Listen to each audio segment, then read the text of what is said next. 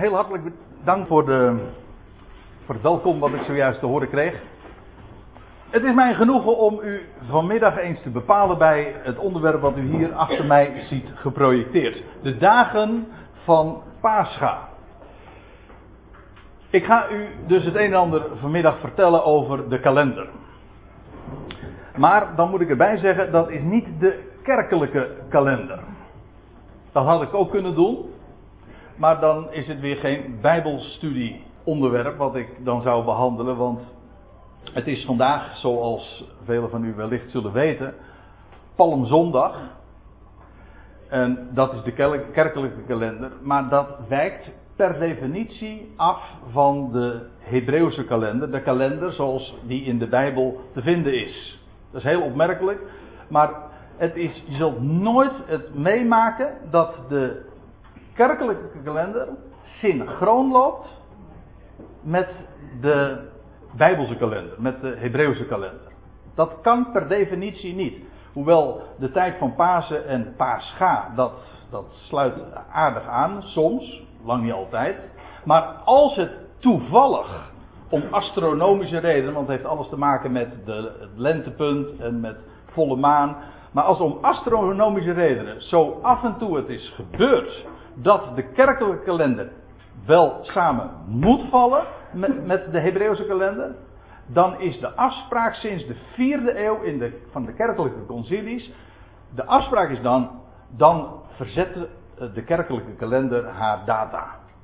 Dat mag namelijk nooit samenvallen. Men wilde, en daar zit een heel antisemitische gedachte achter, zich niet associëren met Israël en met het Jodendom en met wat Joden gedaan hebben en met, kortom, met de kalender zoals God die heeft gegeven. Dat mag niet samenvallen.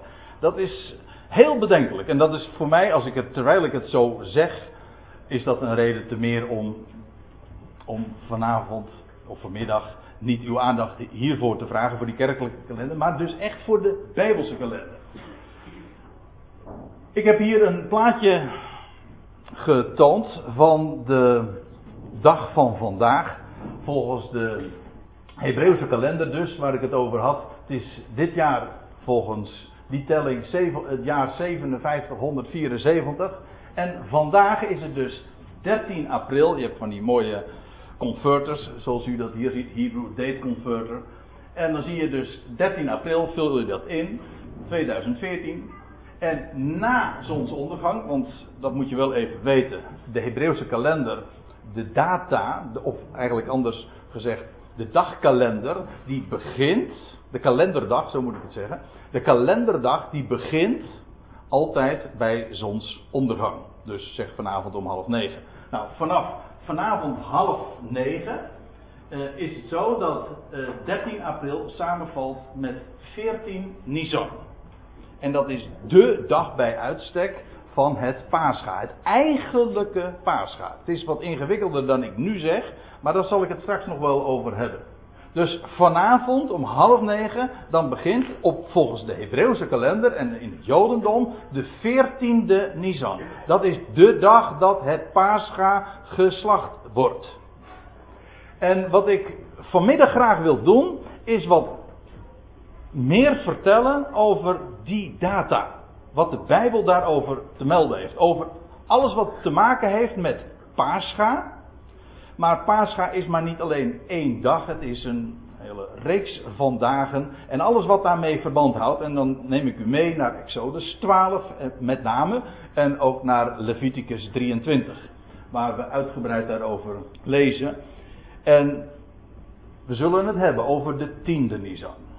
We zullen het hebben over de veertiende Nisan. We zullen het hebben over de vijftiende Nisan. En ook over de zeventiende Nisan. En hoe God van aanvang af, dus wat zeg ik, honderd, ik wou zeggen honderden jaren, maar dat is eigenlijk uh, meer dan anderhalf millennium van tevoren zijn hoogtijdagen al gefixeerd heeft, vastgelegd heeft.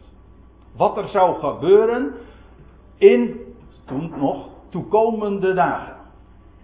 Dat betekent dus dat wat we vandaag bespreken heel actueel is. Het heeft te maken met wat er momenteel speelt. Hoe het momenteel is met die kalender. Het hele Jodendom wereldwijd maakt zich op voor de viering van het Pesach, zoals het christendom zich opmaakt nu voor de viering van het Pasen.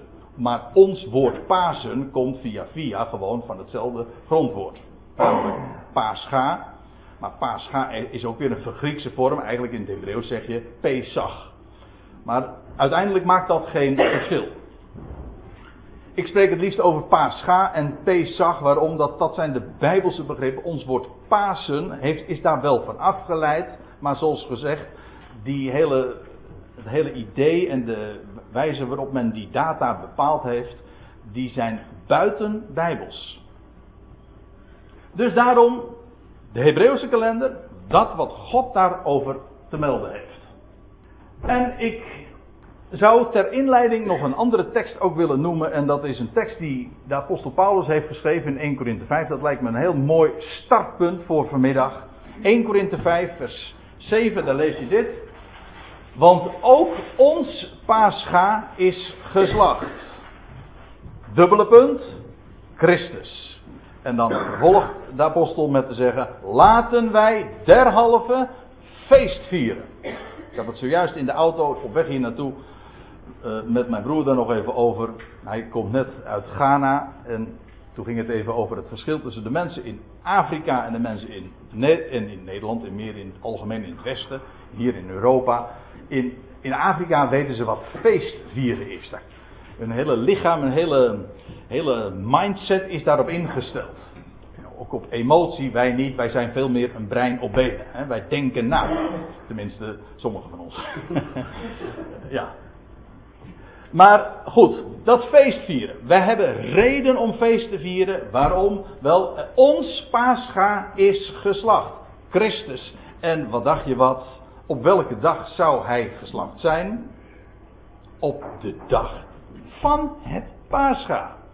En vervolgens, wat er overblijft, is feest. De apostel gaat nog verder met, eh, maar dat heb ik nu niet afgedrukt. Laat ons derhalve feest vieren, niet met, de slecht, niet met het uh, deeg van. Nou, zuurdeeg van slechtheid en boosheid, maar met ongezuurd brood van reinheid en waarheid. Ik citeer het enigszins vrij, maar daar gaat het over. Niet met zuur, niet met zuur deze, maar met dat wat onbedorven is en wat ook niet bederven kan, namelijk het ongezuurde. Maar dat heeft allemaal te maken met Christus. Hij die geslacht is en die vervolgens daarna verrees uit het graf. Nou, dat lijkt me een heel mooi startpunt voor de Bijbelstudie van vanmiddag. En dan ga ik nu u meenemen naar Exodus 12, want daar begint het allemaal.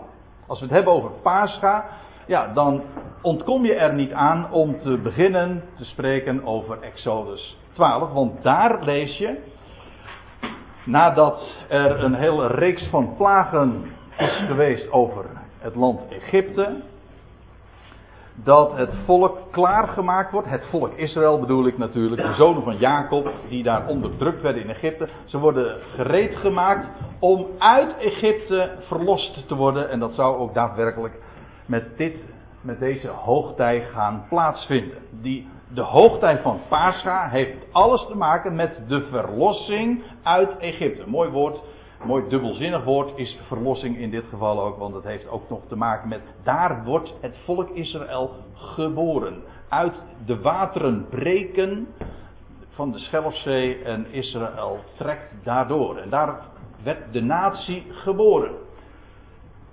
En dat vindt zijn oorsprong dus in deze tijd van jaar. En dan lees je dat de Heer tot Mozes zegt, in vers 2 begin ik nu met het citeren. Deze maand zal u het begin der maanden zijn. Zij zal u de eerste der maanden van het jaar zijn. Dat is alweer zo'n heel opmerkelijk fenomeen. Want het feit dat God dit hier zo zegt, dat is de reden dat Israël twee kalenders kent. Vanaf nu zou de maand waarin dit plaatsvond niet de zoveelste maand zijn, maar de eerste maand. En Israël heeft sindsdien twee kalenders.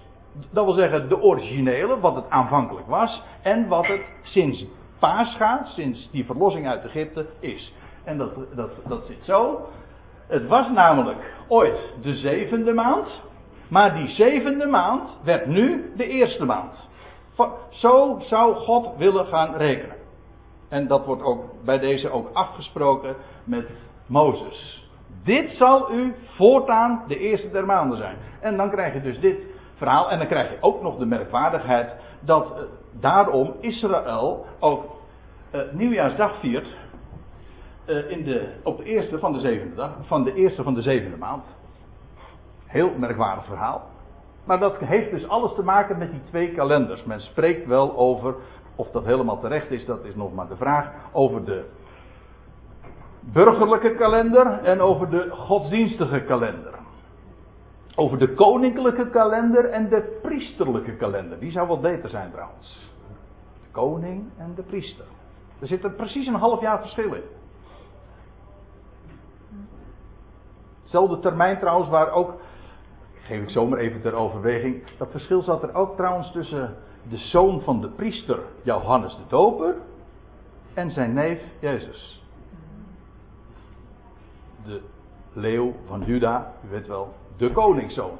Ook weer een half jaar verschil, zes maanden. Voortaan zou die zevende maand de eerste maand zijn. Hou hem vast, want waar ik nu mee begin, daar zal ik straks mee afsluiten. Ja, ik weet al waar ik mee af ga sluiten, want ik heb allemaal diaatjes al voor u klaargemaakt. Dus daar eindig ik mee.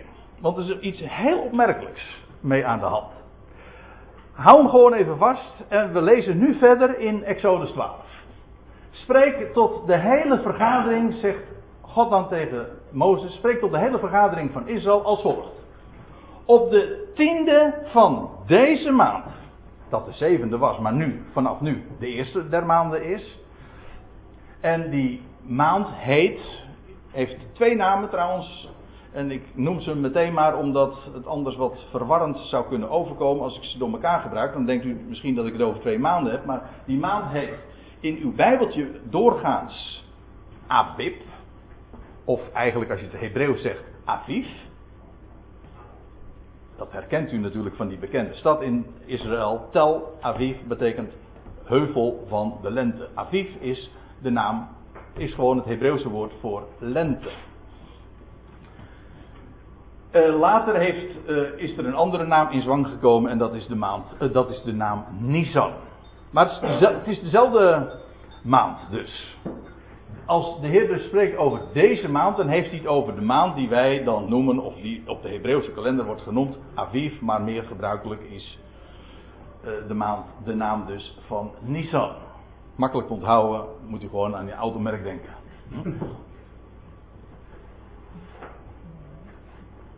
Maar aan de andere kant moet ik erbij zeggen, Aviv is ook heel erg makkelijk te onthouden. Want als je eenmaal weet dat het lente is, dan heeft dit dus alles te maken met het voorjaar. Hier begint het jaar.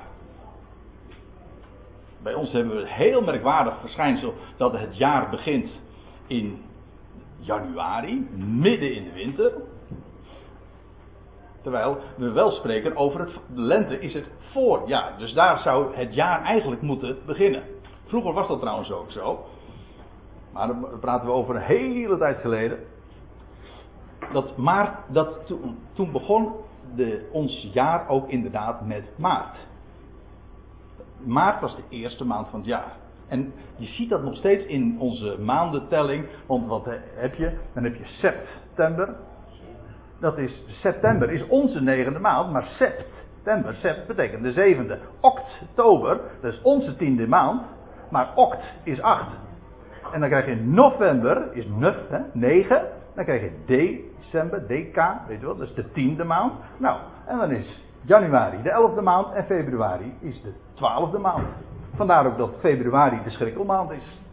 Dus dan als er nog wat dagen te berekenen zijn, dan noemen we dat aan het eind van het jaar. Eind februari. Maar goed, toen was er een Romeinse keizer en die zegt, we gooien dat helemaal om. Ter ere van zichzelf natuurlijk. Want zo gaat dat. Maar goed, dat, daar hebben we het nu verder niet over deze maand. En waar ik dan wel even aandacht voor wil vragen, is dit verhaal dat het de tiende van deze maand is. Dus de tiende Aviv of de tiende Nisan. Want waar komen we die nog meer tegen? Ja, hier dus. Hier wordt gesproken over de tiende Nisan. Dan moest er iets gaan gebeuren, maar daarover straks meer. Laat ik eerst iets zeggen over die tiende Nisan waar je die nog vaker aantreft. En dat is bij binnenkomst in het beloofde land. In Jozua 4, vers 19 lees je: Het volk nu is uit de Jordaan opgeklommen op de tiende der eerste maand en ze legerden zich te Gilgal. Moet me nu echt inhouden om niet over andere dingen te gaan spreken, maar dat doe ik ook echt niet. Het wil, ik wil alleen maar op wijzen dat Israël dus door de Jordaan gaat en dat dan arriveren ze in het beloofde land uitdrukkelijk op de tiende van die maand. En vervolgens gingen ze daar ook Pascha vieren. En hadden ze ook meteen diezelfde week nog van het overjarige koren van het land. Dat lees je allemaal in Jozua 3, 4, 5, wat is het? Dat is dus de tiende Nisan. Je vindt hem nog een keer die is ietsje moeilijker te ontdekken, maar eh, is niet zo erg moeilijk. Maar dat is dan wel weer erg actueel voor degenen die nogal een hoge pet op hebben van de kerkelijke kalender. Want vandaag is het op de kerkelijke kalender, zoals gezegd, Palmzondag. Wel, Palmzondag is, dat wil zeggen de dag dus dat de Heer van de Olijfberg afdaalde. En op die ezel, weet u wel. En dat het volk riep, Hosanna, Hosanna toen. Men noemt dat dan de intocht in Jeruzalem, wat niet helemaal klopt. Want het was eigenlijk meer een aftocht van de Olijfberg. En de Heer was helemaal niet zo vrolijk. Hij weende bij die gelegenheid. Hij wist namelijk wat hem te wachten stond. Dat, maar dat was op de tiende Nisan. Ik zal u dat even voorlezen in Johannes 12. Ik geef toe dat het niet strikt genomen een bewijs is, omdat je dan nog verschillende andere teksten erbij moet nemen. Maar je leest in Johannes 12, vers 12, de volgende dag. En dat betekent dus dat je weer terug moet lezen. En dan zie je in Johannes 12, vers 1. Dan, en dan kun je gewoon terugrekenen. De dag daarvoor was het zes dagen voor Pascha. Voor het feest van Pascha. Dat betekent dus dat dit inmiddels dus de tiende Nisan was. Leidt geen twijfel, dat is geloof ik niet omstreden. De dag dat de Heer dus zijn intrede deed in de stad Jeruzalem om een paar dagen later gekruisigd te worden, dat was de tiende Nisan. Dan heb ik er nog één, en die is helemaal omstreden, maar goed, ik wil hem toch even vermeld hebben.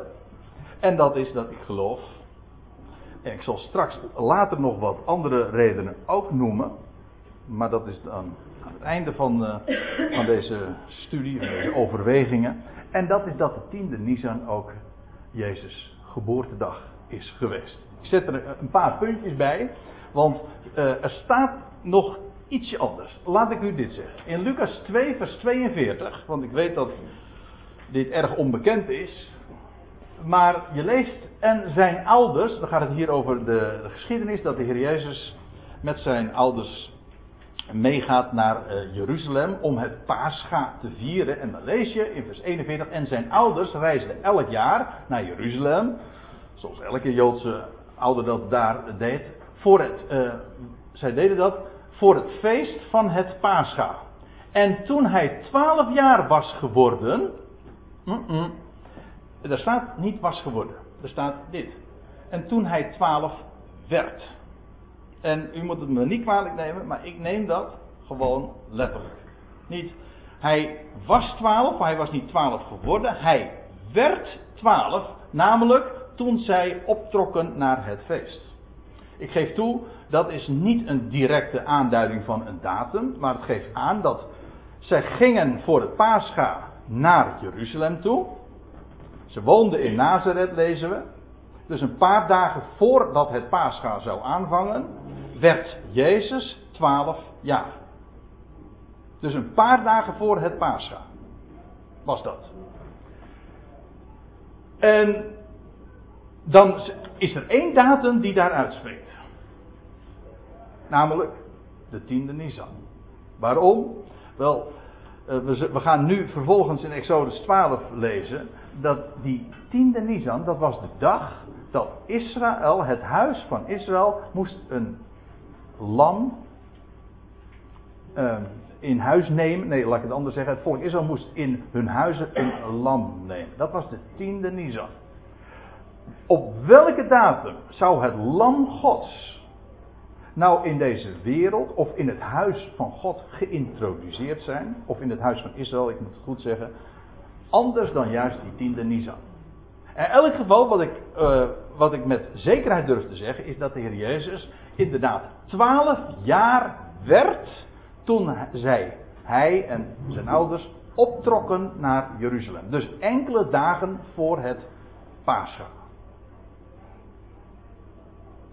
Hou hem vast geef toe, deze, dit is de minst directe aanleiding, maar ik wil straks nog wel even een overweging eraan vastknopen. En het is allemaal ter overweging. Er zijn een aantal dingen die ik gewoon heel duidelijk onder bewijs stel. En dit geef ik aan u ter overweging. En straks kom ik er nog even op terug. Om iets anders nog te, te laten zien. En het is aan u om het vervolgens kritisch bij, bij het licht van de schrift te overwegen en of deze dingen al zo zijn. Ik vertel u simpelweg datgene in alle bescheidenheid, hoop ik tenminste dat dat een beetje overkomt. Uh, in alle bescheidenheid uh, wil ik u dat graag vertellen, dat wat ik zelf daarover heb gevonden. Goed, dat wat de tiende Nisan betreft. Die andere keren dat je dat nog tegenkomt in de Bijbel.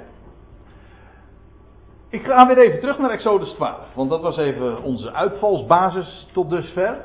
Uh, spreek tot de hele vergadering eh, van Israël als volgt. Op de tiende van deze maand, op deze tiende Aviv of tiende Nisan, zal ieder voor zich een stuk kleinvee nemen, familiesgewijs, een stuk kleinvee voor een huis. Dat wil zeggen, dan werd dus een stuk kleinvee, we zullen zien, het is een lam, werd in huis genomen. En dan, een gaaf, mannelijk, eenjarig, een zoon van een jaar, is een merkwaardige Hebreeuwse uitdrukking. Een gaaf, mannelijk, eenjarig stuk kleinvee moet gij nemen. Nou, deze beschrijving geeft aan dat het een jong dier moet zijn.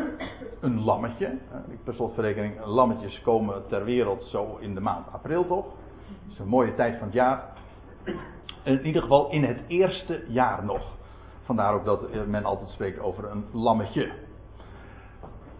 Het moest gaaf zijn, volkomen, zegt een, ja, een volkomen dier. Dat wil zeggen, waar dat niet ziekelijk uh, mocht zijn of kreupel of zo. Het moest gaaf zijn. Het moest een volmaakt uh, bokje zijn, want, ik zeg een bokje, want mannelijk. En jong, wel, uh, het lijkt mij toch uh, vrij duidelijk uh, wat, welk profiel hier getekend wordt van het lam. Hij moet gaaf zijn, volkomen, mannelijk zijn en bovendien jong. Eenjarig. Een stuk kleinvee moet gij nemen en gij kunt dit nemen van of van de schapen, dan wel of van de geiten. Dus een bokje. Beide was toegestaan. En ehm, in beide gevallen spreken we dan maar voor het gemak van een paas of een paascha lam. We lezen verder. Ik kan natuurlijk niet op al die details nu zo uh, al te diep ingaan. Ik wil u vooral wijzen op de diverse data en het verband daartussen, want dat is werkelijk zo schitterend. En ik wil u zoveel mogelijk daarvan toch in een uurtijd laten zien. En staat er dan, ik sla Nee, niet één vers over, maar er staat er in vers 6. En gij zult het bewaren. En dan komt de volgende datum. We hadden het over de tiende Nisan. Nu staat er. En gij zult het bewaren tot de veertiende dag van deze maand. Nisan dus. Dus een paar dagen had Israël dat lammetje in huis. Dus dat moest, dat, daar kreeg je ook een band mee, et cetera. Dat zal allemaal een rol gespeeld hebben. Je zal ook een voederbak in huis uh, nodig hebben. Een kribbe bijvoorbeeld. Ja, die geef ik zomaar eventjes zo gratis extra bij. Maar gedurende die dagen had Israël dus een lammetje in huis. Tot de veertiende dag van die maand. En dan, dan zal de hele vergadering van de gemeente Israël het slachten in de avondschemering. Staat er in de NBG-vertaling, en dat zal wellicht kloppen, want, maar letterlijk staat er tussen twee avonden, en als u een statenvertaling hebt, dan zult u dat ook zien. Dat is ook precies wat er in het Hebreeuwse staat. Gewoon als je het heel letterlijk één op één vertaalt. Tussen twee avonden slachten. Dat is wel een aardige uitdrukking, want we kennen in Nederlands daar een, een, eh, een gelijksoortig equivalent van. En dat is de uitdrukking die hier heb staan, tussen de middag. Eigenlijk is het tussen de middagen. Dat is een heel, eh, heel eigenaardige wijze van uitdrukken, maar je had de middag, dat is midden van de dag, en je hebt de voormiddag. Dat is een beetje oud-Nederlands allemaal, maar de voormiddag en de namiddag. En tussen de middagen, dus tussen de voormiddag en de namiddag, dat is dus gewoon in de middag. In het midden van de dag. Nou ja, dat is de, wat die uitdrukking tussen de middagen betreft.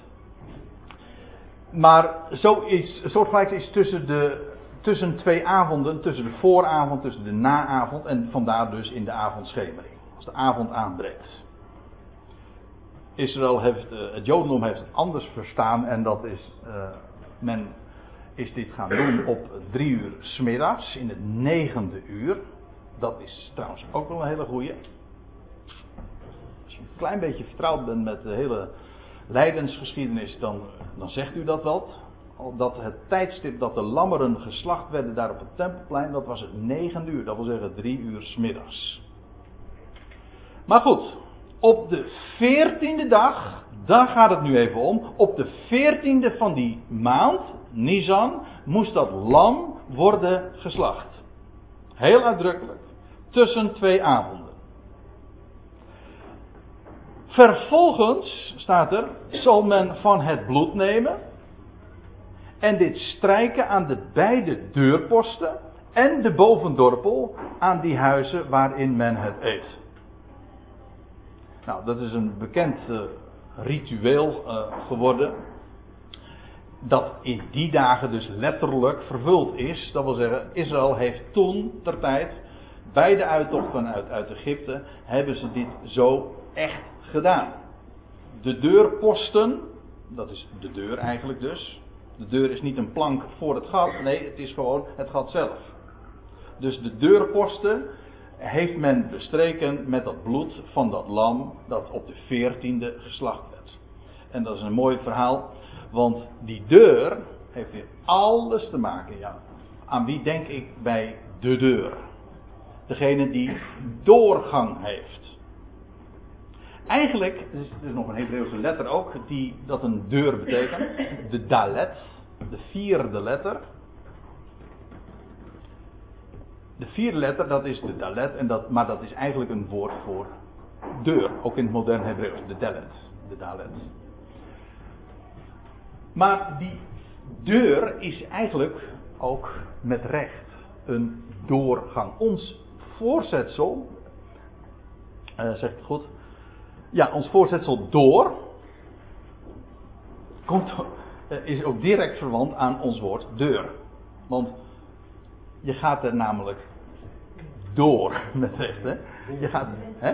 Het, het, Engelse, de Engel, het Engelse woord door. Hè? Uh, en trouwens, in uh, hoeveel Nederlandse dialecten, ik weet niet eens hoe het in het Urks is, maar je gaat er deur heen. Hè? Je gaat er deur heen. Maar een deur is in ieder geval waar je doorheen gaat. En die deur, die was gekarakteriseerd door dat bloed van dat lam. Dus het, het sprak van slachting, slachting op die veertiende. En juist daardoor, door die deur, door die doorgang die gekenmerkt werd door slachting, was er leven. Dat moest u maar eens vragen aan die eerstgeborenen die daar achter die deur zaten. Voor hen was er leven en werden ze gespaard. Allemaal had het te maken met dat bloed dat aan die deurposten gesmeerd was gestreken. En dan lees je in vers 8 Het vlees zullen zij diezelfde nacht eten, van dit lam dus. Ze zullen het eten op het vuur uh, gebraden, met ongezuurde broden, benevens bittere kruiden. Nou, dit wat ik nu in kapitaalletters vet gedrukt heb, dat is natuurlijk het meest karakteristieke misschien wel van dit hele feest, van deze hele hoogtij, namelijk dat het ongezuurd brood werd gegeten. Er zat, mocht trouwens überhaupt geen niets gegeten worden waar zuurdesem is. Het was daarom, wij noemen het het feest van de ongezuurde broden, maar het is eigenlijk gewoon, in het Hebreeuws ook, het feest van het ongezuurde.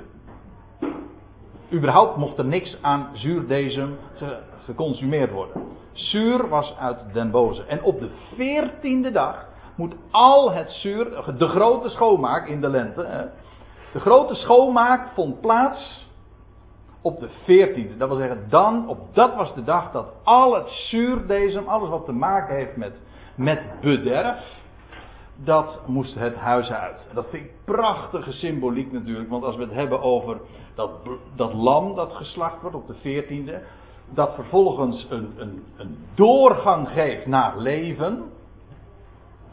Maar het is tevens de introductie van feest. Ons Pascha is geslacht. Ik denk, de woorden van Paulus resoneren nog in mijn hoofd. Ons Pascha is geslacht.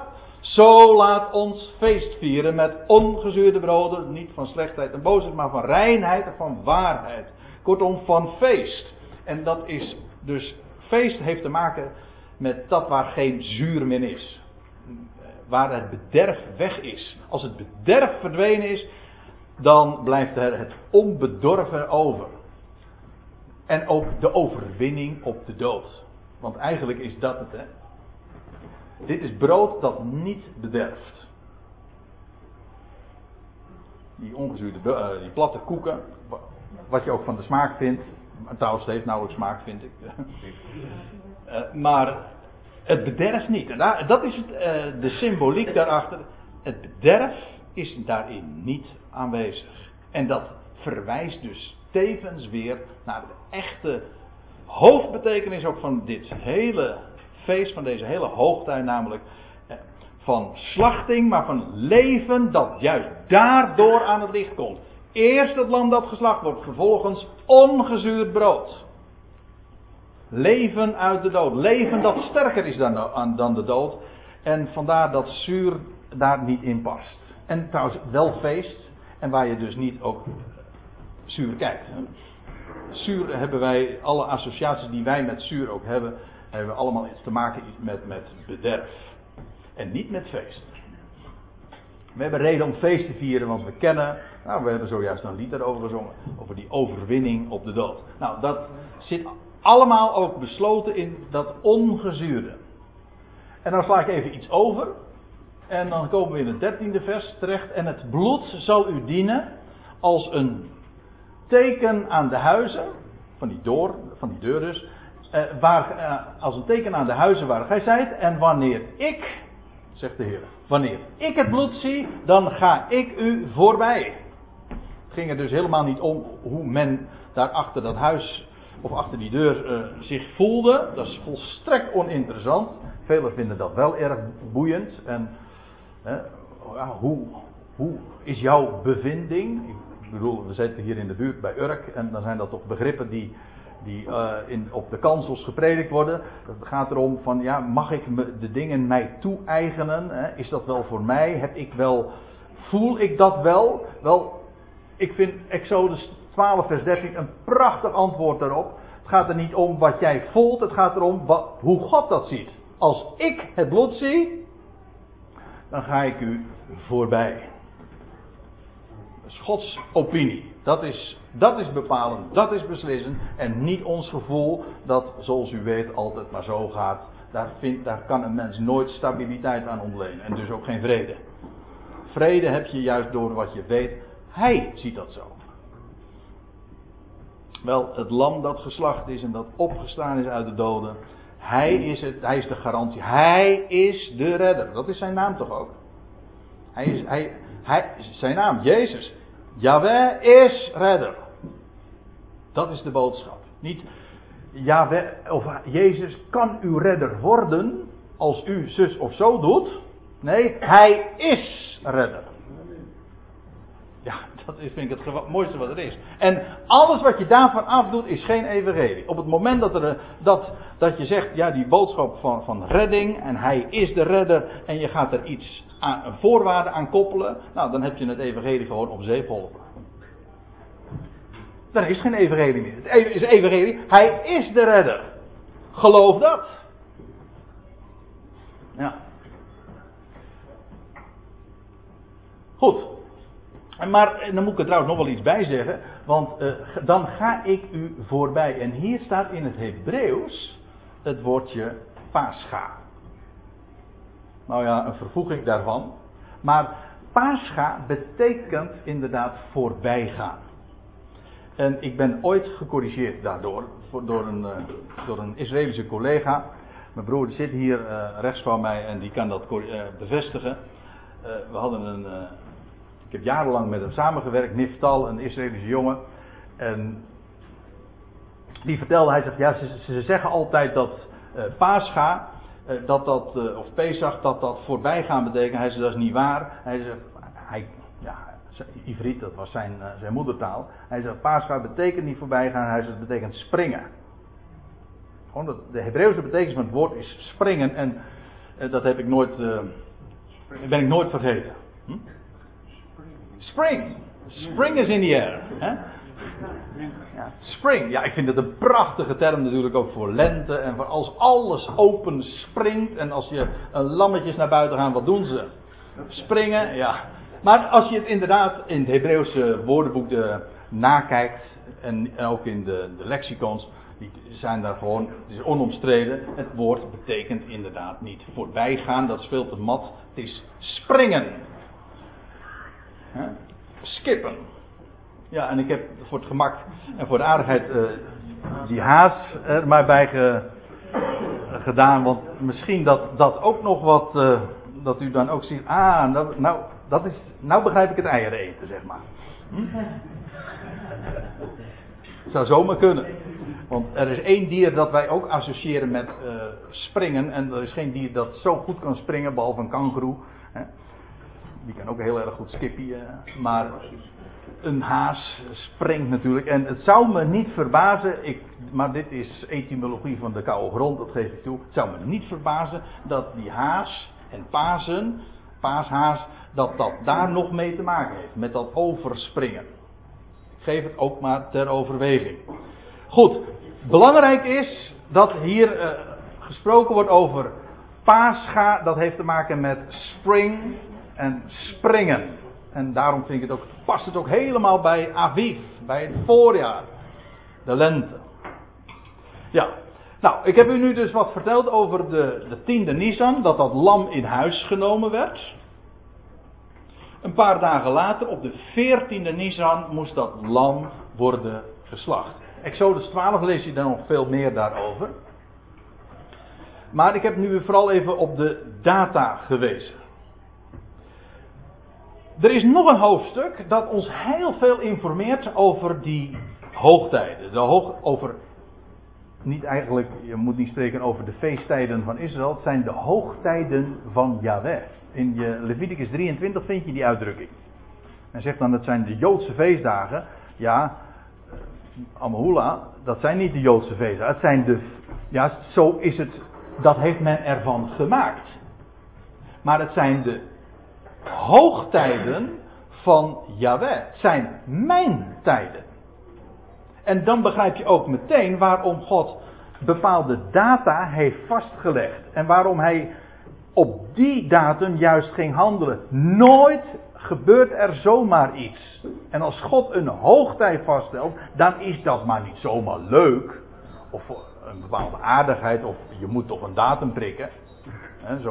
Nee, dan heeft dat een reden. En dan kom je die data altijd weer tegen. En die hangen dan altijd ook weer samen.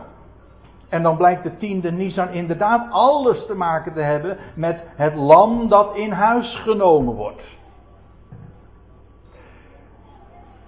Leviticus 23 is een, een hoofdstuk dat eh, gaat over de hoogtijden van Yahweh. En het geeft een, een schitterend overzicht trouwens van al die zeven hoogtijden die God van origine heeft ingesteld voor zijn volk Israël. Waarbij je eigenlijk eh, twee groepen van feesten, van hoogtijden aantreft. Namelijk de hoogtijden in de eerste maand en de hoogtijden een half jaar later in de zevende maand. Ja. En de hoogtijden in de eerste maand hebben alles te maken met de eerste komst van de Messias. En de hoogtijden in de zevende maand van de bazuingeschal en van de van Yom Kippur en van Loofhuttenfeest. Dat heeft alles weer te maken met de tweede komst van Christus. Als alles zijn vervulling vindt. In de zevende maand. Ook het getal van de volheid. Nou ja, al dat soort associaties. Leviticus 23 vind je dat allemaal in keurig overzicht uiteengezet. Maar uiteraard heb ik het uh, alleen over uh, de data in verband met het paascha. Laten we het eens eens lezen. Leviticus 23, vers 5. In de eerste maand, op de veertiende van de maand, tussen twee avonden, is het paascha voor Yahweh. Nou, dat hadden we al gezien. Dus, dus op zich niks nieuws. Ik moet er trouwens bij zeggen, dat is uh, misschien toch wel even goed om dat op te merken, dat in het Joodse spraakgebruik, tot op de dag van vandaag, en ook later in het Nieuwe Testament zie je dat, dat Pascha niet alleen maar de dag is van die veertiende, maar ook de naam is, of Pascha of Pesach, van het feest dat daarna komt. Ik zal u een voorbeeld geven. Je leest in Lucas 22, dan wordt het ook zo gezegd. Het feest nu van de ongezuurde, of ja, van de ongezuurden, uh, was nabij. Of nou, het feest nu van de ongezuurde broden, dat Pascha genoemd wordt, naderde. Dat is interessant, want het echte feest begon pas op de 15e. De 14e was nog niet het feest. Dan werd het lam geslacht. Maar het feest begon op de 15e. Dus daarover straks meer. Maar het, grap, het grappige, het merkwaardige is dat in het Jodendom zegt men Pesach dat begint met de 15e. Het, namelijk het feest van Pesach. Maar dat haalt men uh, min of meer door elkaar. Zo, van origine is dat Pascha alleen dat dier zelf. Kijk, ik zal het even uitbeelden. Hoe de betekenis van dat ene woord Pascha een uitgebreid is. Aanvankelijk was dat Pascha was gewoon dat lam dat geslacht werd. Gij zult het Pascha slachten. Dat is dan de uitdrukking. Toen kreeg het een bredere betekenis. De 14e Nisan, dat heet het de dag van het Pascha. Dat was dus de naam die dan gekoppeld wordt aan die datum. Maar vervolgens, zoals we dat lezen in Lucas 22, en tot op de dag van vandaag, als je aan een Jood vraagt wanneer begint Pesach, dan zal hij zeggen de 15e Nisan. En dat is precies wat je in Lucas vindt. Dan werd het dus de aanduiding van het navolgende feest. Ik, ik wijs er even op, omdat dit misschien wat uh, gecompliceerd klinkt. Maar dat heeft ermee te maken dat een begrip zo een, een bredere betekenis kan krijgen zodat je, als je even de puntjes op de i moet zetten, van ja, waarover hebben we het? Dat dan moet je soms wel eens even doorvragen. Dus u bent wat dat betreft ook uh, gewaarschuwd, dat is een groot woord, maar in ieder geval om verwarring te voorkomen. Goed, nou, wat we over de 14e Nissan hebben gezegd en uh, gezien inmiddels, daar hoef ik nu verder niet zoveel meer over te zeggen. Wat je dan vervolgens leest in Leviticus 23. En op de vijftiende dag. Aha, nog een datum. We hadden het over de tiende. Dat het lam in huis genomen werd. De veertiende werd het lam geslacht. En vervolgens op de vijftiende dag van deze maand. Is het feest van de ongezuurde broden. Dus het zuurdezen werd uit de huizen verwijderd op de veertiende. En het feest van het ongezuurde. Dat begon dus op de vijftiende. En dan staat erbij, dan is het feest van de ongezuurde broden voor Yahweh. Zeven dagen zult gij ongezuurde broden eten. Als je die veertiende erbij trekt, is het ook is acht dagen. Maar goed, het feest van de ongezuurde broden, dat is vanaf de vijftiende. Dus de dag na de veertiende. Dat lijkt me nogal logisch.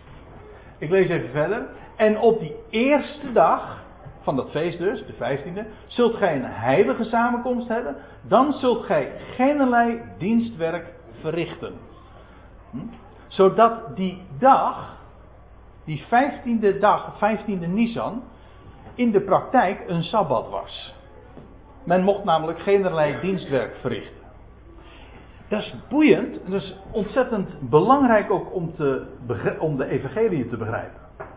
Want die vijftiende Nisan was een, in de praktijk een Sabbat omdat men geen, geenerlei uh, dienstwerk mocht verrichten. Ongeacht op welke dag die in de week viel.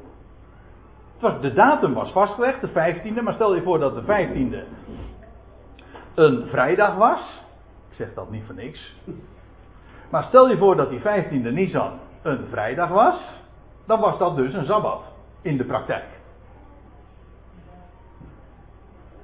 En de dag die erop volgde was weer een sabbat, namelijk de gewone wekelijkse sabbat. En ik geef dit voorbeeld omdat dat nou precies het verhaal is in de dagen van het Nieuwe Testament. In de dagen dat de Heer Jezus geslacht, uh, ja, geslacht werd. Daar komt het wel op neer, ja. Want ik geloof dat de Heer inderdaad geslacht is. Maar dat is weer een ander onderwerp. Uh, even ter zake.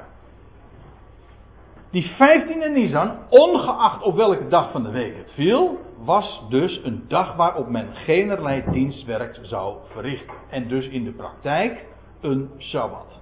Shabbat betekent eigenlijk gewoon staken. Dus het komt van het werkwoord staken, ophouden. En nou neem ik u even mee naar het, uh, naar het Nieuwe Testament. Want dit was namelijk de situatie die we beschreven vinden in alle evangeliën. Ik citeer nu uit Marcus 14, vers 1 en 2. Dan lees je. Nu was het na twee dagen Pascha en de ongezuurde brood. En de overpriesters en de schriftleerden zochten hoe zij hem, Jezus, door list in handen zouden krijgen en doden. Want zij zeiden, niet op het feest, opdat er geen opschudding komen onder het volk. Dat wil zeggen, als wij Jezus ter dood willen brengen, en dat waren ze van zins, nou vandaar de deal met Judas, et cetera.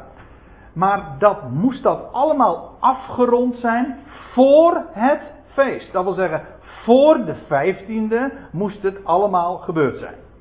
Want op die vijftiende, dat was de eerste dag van het feest, eigenlijk ook de grootste dag, en dat was een dag dat men een samenkomst had, maar dat niet alleen. Het was ook de dag dat men geenerlei dienstwerk mocht verrichten. Dat was dus een grote sabbat. Een jaarlijks terugkerende sabbat, ongeacht op welke dag van de week het viel. Voor de vijftiende, dat was wat hier, wat hier vermeld staat. Voor de vijftiende moet Jezus inderdaad uit de weg geruimd zijn. In om even in hun terminologie te spreken. Ik lees u nog een tekst uit Johannes 19, daar staat er. De Joden dan, daar het voorbereiding was. En de lichamen niet op Sabbat aan het kruis mochten blijven, want de dag van die Sabbat was groot. De Sabbat die nu ging aanbreken, de dag na, na de kruising dus, dat was een grote Sabbat. Dit was een, alleen maar een dag van voorbereiding. Nou, alleen maar. Dit was een dag van voorbereiding. Dus dat alles gereed gemaakt wordt. De 14e Nisan. Eh, wel, toen vroegen ze aan Pilatus dat hun benen, dat wil zeggen de benen van die gekruisigden, waaronder Jezus dus, gebroken zouden worden en zij eh, weggenomen zouden worden. Dat wil zeggen, dit moest allemaal eh, op stel en sprong geregeld worden, omdat het voor het feest, voordat de 15e aanving, bij zonsondergang, dan moest dit alles gedaan zijn. Want op de 15e mocht het beslist niet. Ziet u? Waarbij je dus ziet, de 14e, dat was die dag van de voorbereiding. Dat is de dag dat het lam geslacht werd, maar ook de dag dat Jezus aan het kruis buiten de poorten hing. Precies op die dag dus. En wat er volgde, dat was de, uiteraard die 15e, die grote sabbat, die sabbat, de, waarop men geen dienstwerk mocht verrichten. Zie je?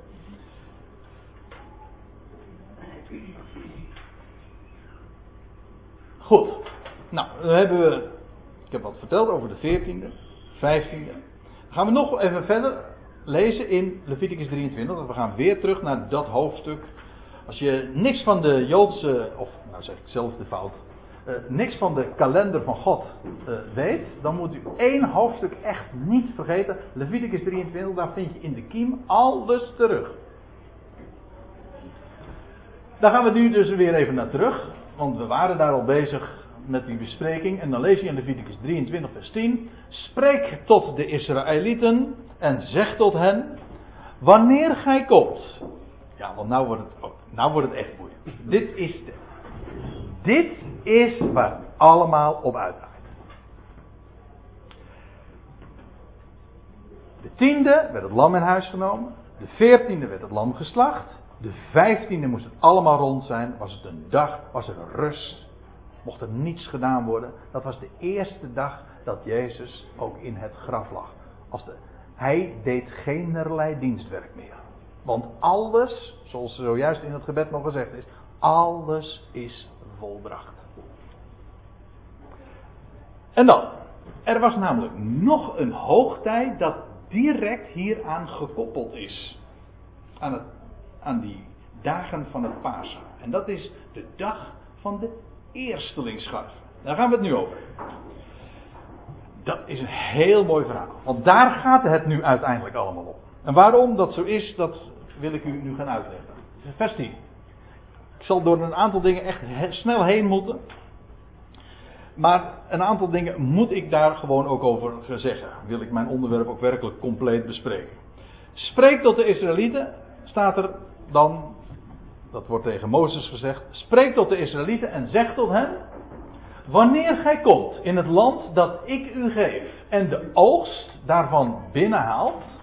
En dan gaat het hier over de gerstenoogst. Dat blijkt vervolgens uit wat, uh, het feit dat er zeven weken later weer een oogst binnengehaald wordt. En dat is dan de tarweoogst. Dat is dus de oogst van gerst. Kennen we hier niet zo. Nou ja, we kennen het gerstennat. Hè? Dat kennen we wel erg goed. Maar uh, over gerst, en ik werd zojuist nog even over, aangesproken over, over, uh, over Hebreeuwse woorden die te maken hebben met uh, sha'ar en met harig. Maar dit is een, het, het Hebreeuwse woord daarvoor is eigenlijk ook harig. En kijk naar zo'n gerstaard, dan begrijp je ook meteen waarom dat zo is. Heeft alles ook te maken met met heerschappij. Over de typologie van gerst ga ik het niet hebben. Maar wat ik er wel over wil vertellen is. Die oogst wordt binnengehaald. En dan gaat het dus uitdrukkelijk over de oogst van gerst. Het gaat hier over het begin van de gerstenoogst. Ken nog een geschiedenis trouwens in de Bijbel die daarover gaat, over het begin van de gerstenoogst. Een heel boekje dat daarover gaat. Het boekje Rut. Aan het einde van Rut 1 staat er dan als, als Naomi met haar dochters, schoondochters gearriveerd is in Bethlehem, ja, dan lees je, en het was het begin van de gerstenoogst. Haha, dat is een hoopgevend uh, tijdstip. En dat blijkt ook wel, want dan wordt daar, uh, daar ontstaat die prachtige romance, waar uiteindelijk dus de Messias uit voortgekomen is. Goed, de oogst, wanneer gij de oogst daarvan binnenhaalt. Dan zult gij, dus als gij de oogst binnenhaalt, dan zult gij de eerstelingsscharven, de eerstelingsschoof, van uw oogst naar de priester brengen. De oogst werd binnengehaald, maar de eerstelingsschoof moest naar de priester gebracht worden. En dan lees je in vers 11. En hij zal, hij, de priester dus, zal die garven, die schoof, voor het aangezicht van Yahweh bewegen. Een zwingende priester. Dat is het. Het idee is juist dat die beweegt. Want bewegen heeft alles natuurlijk te maken met en het symboliseert leven. En waarom dat zo is, het symboliseert Aviv. Het symboliseert het begin van een groot oost. Dit was de eersteling. De eersteling van de oost. Van de gerstenoogst. En dan staat erbij, hij zal de garven voor het aangezicht van je bewegen, opdat gij wel gevallig zijt. Nou ja, denk daar maar eens over na, maar we gaan verder. Daags na de Sabbat. Hey, dit is opvallend. Dit is heel opvallend. dat dat zo beschreven wordt. Want voor alle hoogtijden in Leviticus 23 wordt een datum genoemd. De zoveelste, de tiende, de veertiende. Later vind je dat in verband met de zevende maand ook weer. Op de eerste van de maand is het bazuingeschal. De tiende is het Yom Kippur. En nog weer vijf dagen later begint Sukkot. Altijd wordt er een datum vastgelegd. Hier, voor de feest, voor de hoogtij van de eerstlingsscharven, wordt geen datum genoemd, maar wordt een weekdag vermeld. Namelijk, moest de dag zijn na de Sabbat. Dat is het enige wat ervan vermeld wordt. Na de Sabbat. Wat wij dus noemen de zondag. Daags na de Sabbat zal de priester die bewegen. En dan krijg je dit verhaal. Uh, ik lees even verder, vers 12. Gij zult op die dag, want er gebeurt nog veel meer op die dag. Gij zult op die dag, op de dag waarop gij de garve beweegt, een gaaf eenjarig schaap aan Jaweh ten brandoffer bereiden. U weet, een brand. Ja, ik zeg u weet, maar het is eigenlijk heel erg onbekend. Want als mensen, de, als christenen in het algemeen horen over offer, dan denken ze meteen aan Golgotha. En dat is zo verschrikkelijk fout. Ja, waarom? Omdat het offer is niet Golgotha. De, wat Golgotha uitbeeldt, die veertiende, dat is de slachting. Maar dat is geen offer. Het was noodzakelijk voor een offer. Maar een dier dat geslacht werd was nog geen offer. Nee, dat eerst de slachting, daarna werd het vervolgens verhoogd op een altaar en steeg het op en dan was het goden tot een liefelijke reuk. Dat is een brandoffer. Een offer is niet, of verwijst niet naar Golgotha. Een offer verwijst naar verrijzenis. Naar dat wat omhoog gaat. Wat opstijgt. Naar opstanding. Na de slachting, dat is waar. Maar een brandoffer, een brandoffer is trouwens in het Hebreeuws, het woordje heeft te maken met Allah. Dus vliegtuigmaatschappij El Al heeft er ook nog mee te maken. Het betekent naar boven. Het gaat naar boven. Dat is wat een brandoffer is. Het is een offer, ik meen dat de Naardense vertaling het zo ook weergeeft, met een offer der opstijging. Het gaat omhoog. Steeg uit het graf door vaders kracht. Dat is het. Dat is het brandoffer. Goed.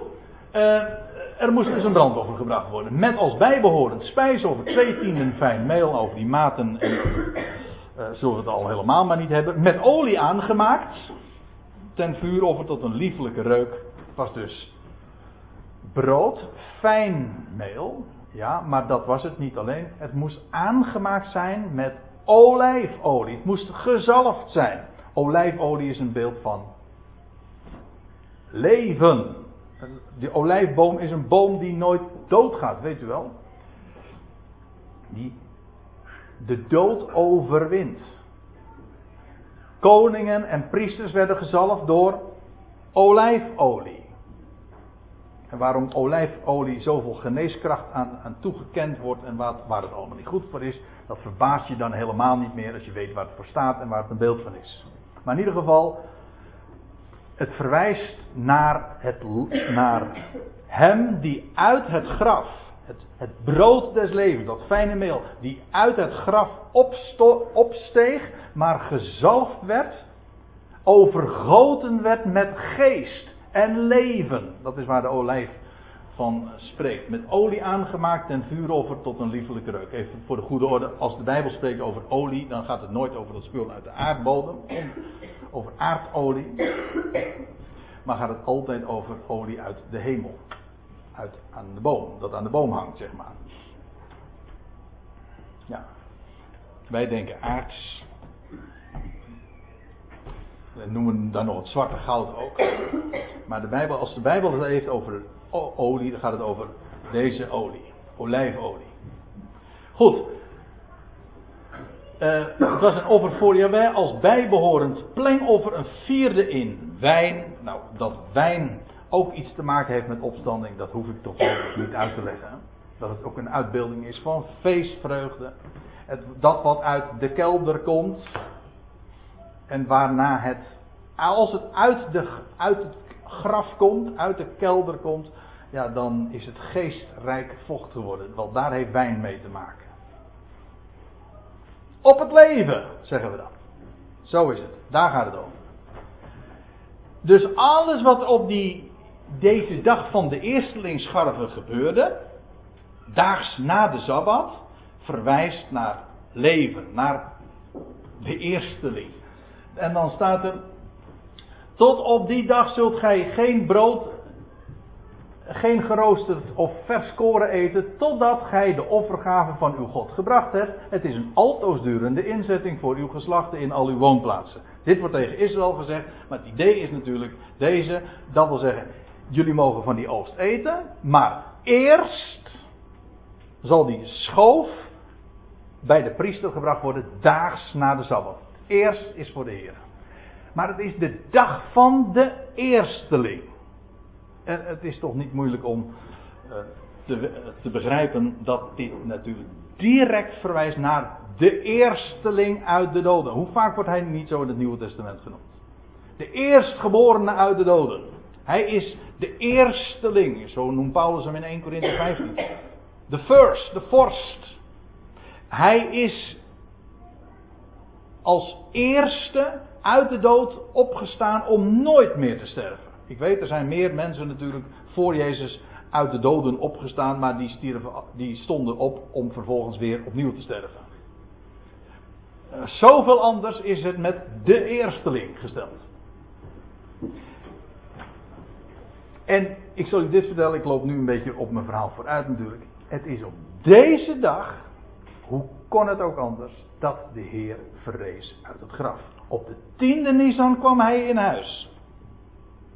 Op de veertiende Nisan werd hij geslacht. En daags na de Sabbat, op de dag van de eersteling, verrees de eersteling uit het graf. Zo was het 1500 jaren voor onze, voor onze jaartelling al door God vastgelegd.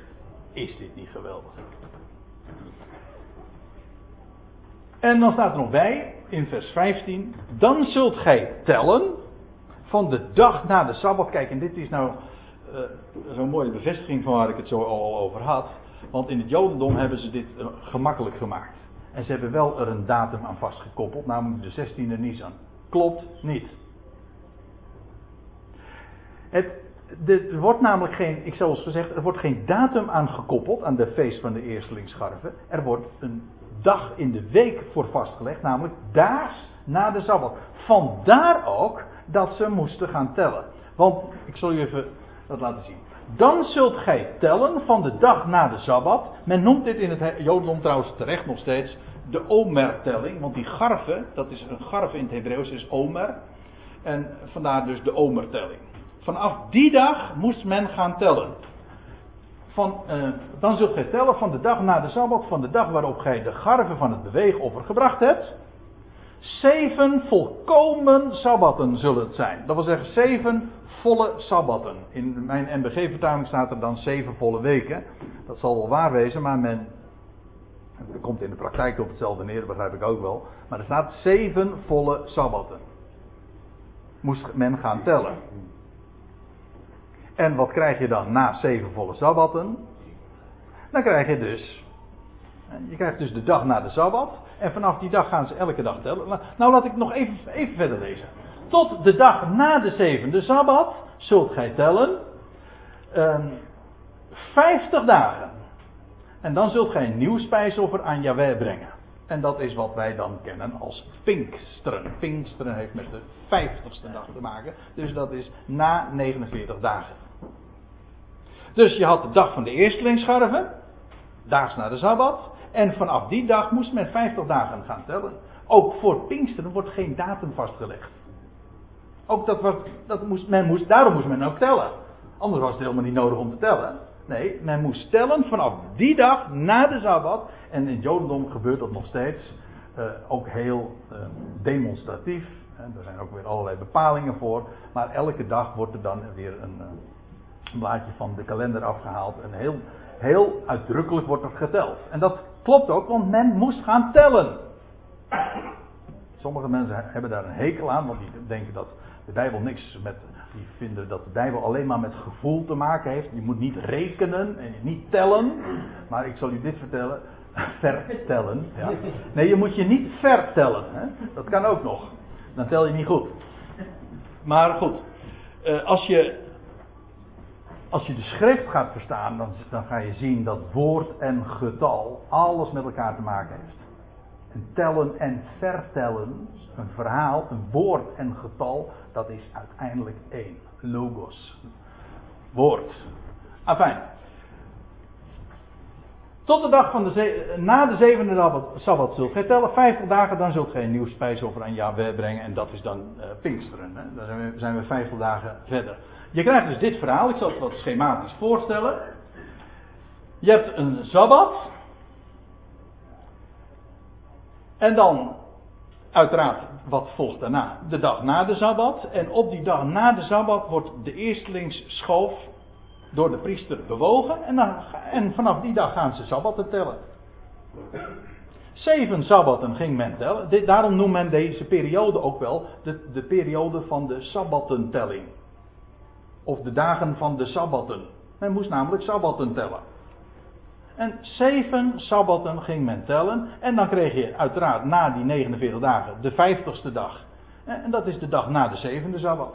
En dus uiteraard dan ook weer een dag na de eh, sabbat. Dus ook weer per definitie op een zondag. En zo was dat dus geregeld. En die hele periode heet dus de dag van de sabbattentelling. Of de, dag van de, de dagen van de omertelling. En het is op deze dag, daags na de Sabbat, dat de Heer opstond. Ik zal u, daar, ik zal u dat laten zien.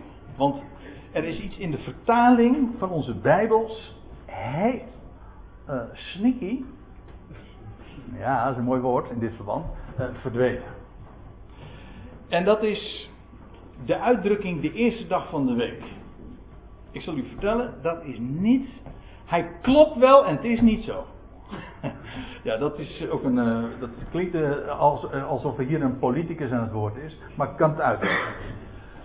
je leest in Marcus 16 dit. En zeer vroeg, op de eerste dag der week, dit is de uitdrukking, nou ik weet niet hoeveel keer die voorkomt, maar in de Evangelie sowieso, in de handelingen dan ook nog. Maar iedere keer komen we deze uitdrukking tegen. Maar ik zal u dit vertellen. Er staat niet eerste dag der week. Er staat dit. Op de dag 1 van de Sabbatten. En om die uitdrukking te begrijpen, moet je de goddelijke kalender kennen. Er is namelijk een. Wat hier gebeurde op, op de eerste dag der week. Ik bedoel dus dit te zeggen. Het, is wel, het klopt wel. Het was een eerste dag der week. Het was de dag na de Sabbat. Maar niet zomaar een dag na de Sabbat. Het was de dag na die, eh, de dag na de Sabbat, die specifiek door God was aangewezen als de dag van de eerstelingsscharven, de dag dat men moest, Sabbatten moest gaan tellen. Het was de dag 1 van die Sabbattentelling. Dat is het. Dus die periode van de omhertelling, op deze eerste dag dat men moest gaan beginnen met tellen, op die dag de dag van de eerstelingsscharven, dat was de dag dat de Heer uit het graf verrees. Dus als, als in onze vertaling staat op de eerste dag der week, dan is dat wel zo, maar het doet geen recht aan wat het echt staat. Het was namelijk de, de dag van de eerstelingsscharven. Dat is het bijzondere. Dat het een dag na de Sabbat was, op een zondag, prima, tot je dienst, dat is zeker waar. Maar het was een hele bijzondere dag. De dag van de eersteling. En als je dat begrijpt. Ja, dan gaat er een wereld leven. Ja, met recht leven. Want dit is de dag dat leven aan het licht kwam. Aviv. Alles ging springen. Eerst, de eerste steen werd, sprong weg. Werd weggewenteld, weggerold. Gilgal. Nou ja. Nee, ja. nee, dat ga ik niet vertellen. Nee. Want Gilgal betekent wentelen, even voor de orde. Als u denkt van, goh, uh, waar, heb je het nou weer over? Goed, Dat was dus, als er hier staat de eerste dag der week, dan is dat de dag 1 van de Sabbatten. Op de hele grammaticale kwestie wil ik nu niet te diep ingaan. Maar dit wil ik, moet ik erover vermelden, omdat dit zo geweldig is. De Heer Jezus Christus is de eersteling uit de doden, die uitgerekend ook op de dag van de eersteling verrees. En dat wordt in het Nieuwe Testament telkens zo gezegd. Alleen het wordt wegvertaald door het gewoon maar tot een zondag te verklaren. Maar het was dag 1 van de zomer, omer, niet de zomertelling, van, maar van de omertelling. Het was de dag van de eerstelingsscharven. Dat is dus een hele triomfantelijke introductie van hem die de dood overwon. Dat is een goddelijke aanduiding van de datum van het tijdstip. En dan moet ik er nog even een paar dingen bij vermelden. Ik hoop dat ik wel een beetje uh, mijn tijd eh, voorbij praat, maar ik ben, uh, mij zijn geen limieten opgelegd. Dus ik hoop dat u nog even geduld met me hebt. Want nu moeten we toch nog even iets vaststellen. Want ik zei zojuist, voor de dag van de eerstelingsscharven is geen datum vastgelegd. Maar neem niet weg dat we interesse hebben in de vraag op welke datum verrees de Heer nu. Maar dat hoeft niet zo moeilijk te zijn. Ik geef toe dat ik nu uh, vreselijk simplificeer.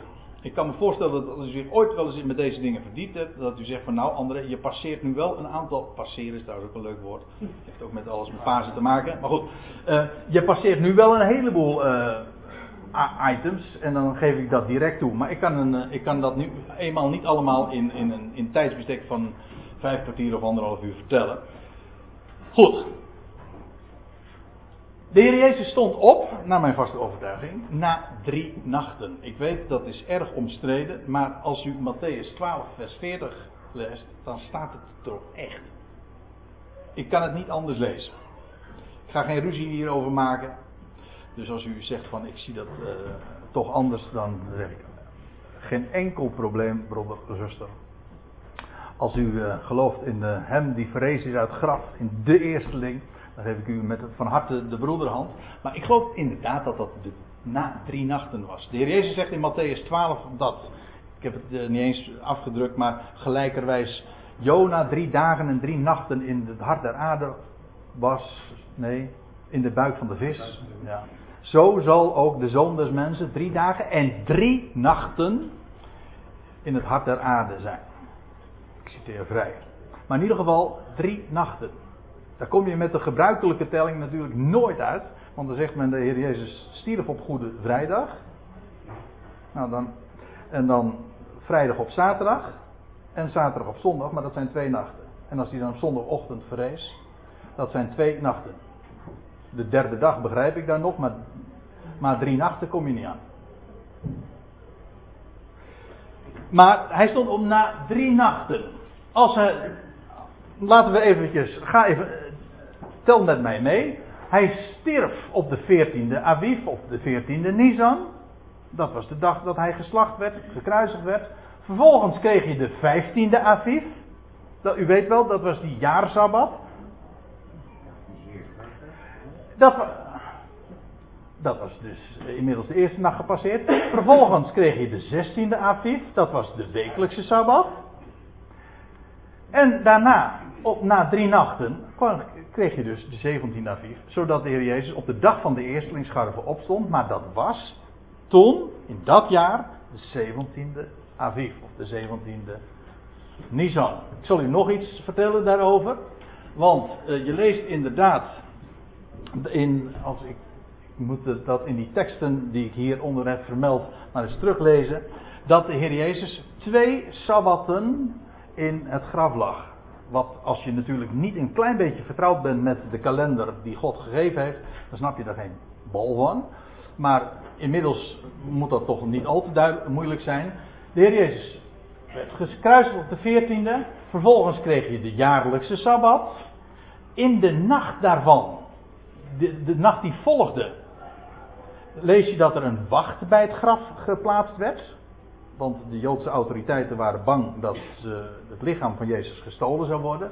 En vervolgens kreeg je de wekelijkse sabbat, de zaterdag dus. En na die sabbat lees je in Marcus 16, vers 1 dat de vrouwen inkopen doen. En dan op de 17e aviv, in de, vroeg in de morgen, stond de Heer op. Dat was dus na twee sabbatten. Nou, uh, Eén ding moet duidelijk zijn. De Heer Jezus stond op op de dag van de eerstelingsscharven. En het was inderdaad dus, als je dat telt vanaf de 14e Nisan, dan kom je uit op de 17e Nisan. Dat is dus de datum van zijn opstanding. En nou wil ik u nog twee dingen erover vertellen. Twee bijzonderheden. En dat is, de eerste is deze.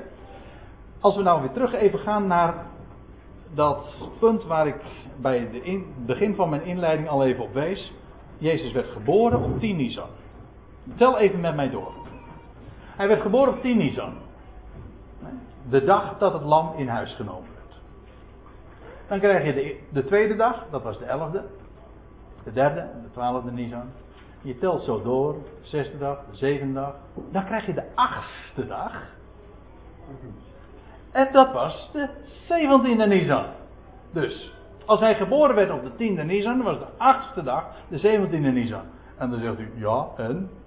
Nou, eh, eh, als u een Jood zou zijn, dan zou u niet zeggen ja en, want dan weet u meteen, aha, de achtste dag. Dat is de dag van de besnijdenis. Ja, waarom ik dat symbooltje erbij gezet heb, dat moet u maar eens diep over nadenken. Ik vind dat een hele, ik vind dat een hele toepasselijke, maar ook een hele, hoe noem je dat? Nette uh, symbool van de besnijdenis. Ja, Lucas 2, vers 21 lees je inderdaad dat hij na acht dagen besneden werd. En kreeg hij, en kreeg hij ook de naam Jezus, staat er ook bij. Het bijzondere is van die besnijdenis. En dat klopt allemaal zo geweldig. Want de besnijdenis is als geen ander een embleem van leven uit de dood. God had ooit zijn belofte gegeven aan Abraham die een onvruchtbare vrouw had. Later zou blijken dat hij zelf ook verstorven was. Maar God had gezegd: Door Sarah zal van nageslacht gesproken worden. En ik zal leven uit de dood voortbrengen. En jouw nageslacht zal zijn als de, als de sterren des hemels, als het zand aan de oever van de zee. Ja, en God gaat leven voortbrengen. Hoe doet hij dat? Door middel van de dood. En toen kreeg hij als teken, nee, de besnijdenis als embleem van leven dat voortgebracht wordt, als embleem van opstanding uit de doden. Nou, ik wil daar eigenlijk maar een beetje toe beperken, want waarom de besnijdenis nog weer alles te maken heeft met de opstanding, dat voert te ver. Maar het is schitterend. Het is, als de Heer Jezus op de tiende Nisan, als het lam in huis, van, eh, eh, zijn introductie deed in het huis van Israël. Hoe prachtig is het dan niet? Dat hij op de achtste dag, de acht is trouwens ook een nieuw begin. achtste dag besneden werd. Leven uit de doden. Dezelfde datum dat hij later, als jonge man, verrees uit het graf. Die dag was hij ooit besneden. En dan als laatste wil ik u nog op, één ding wijzen. En die had ik al bij aanvang beloofd u te doen, en dat is deze. Je leest in Genesis 8, vers 4 iets heel eigenaardigs over de ark van Noach. Waar momenteel een film van uh, vertoond wordt. Maar daar zal dit, ik, ik, heb het niet gezien hoor, maar daar zal dit waarschijnlijk niet in vermeld worden. Dat weet ik eigenlijk wel zeker. Maar dan lees je in Genesis 8, vers 4 dit. En in de zevende maand. Maar wat weten we over die zevende maand toen nog? Dat was toen, in die tijd, wat vanaf Exodus 12 de eerste maand zou. Dus als je leest, ja, bent u er nog, want ik geef toe dat er heel veel data enzovoorts, en nummers en getallen vermeld worden. En dat je zegt, goh, nou, we gaan het een beetje duiden. Maar ik zei toch, ik had toch over twee kalenders. Weet je nog, die eerste, wat ooit de zevende maand was, dat werd later, vanaf Exodus 12, werd de eerste der maand. Maar hier was het dus, als hier dus staat in de zevende maand, dat zou later dus de eerste maand zijn. Nou, nou moet je zo opletten.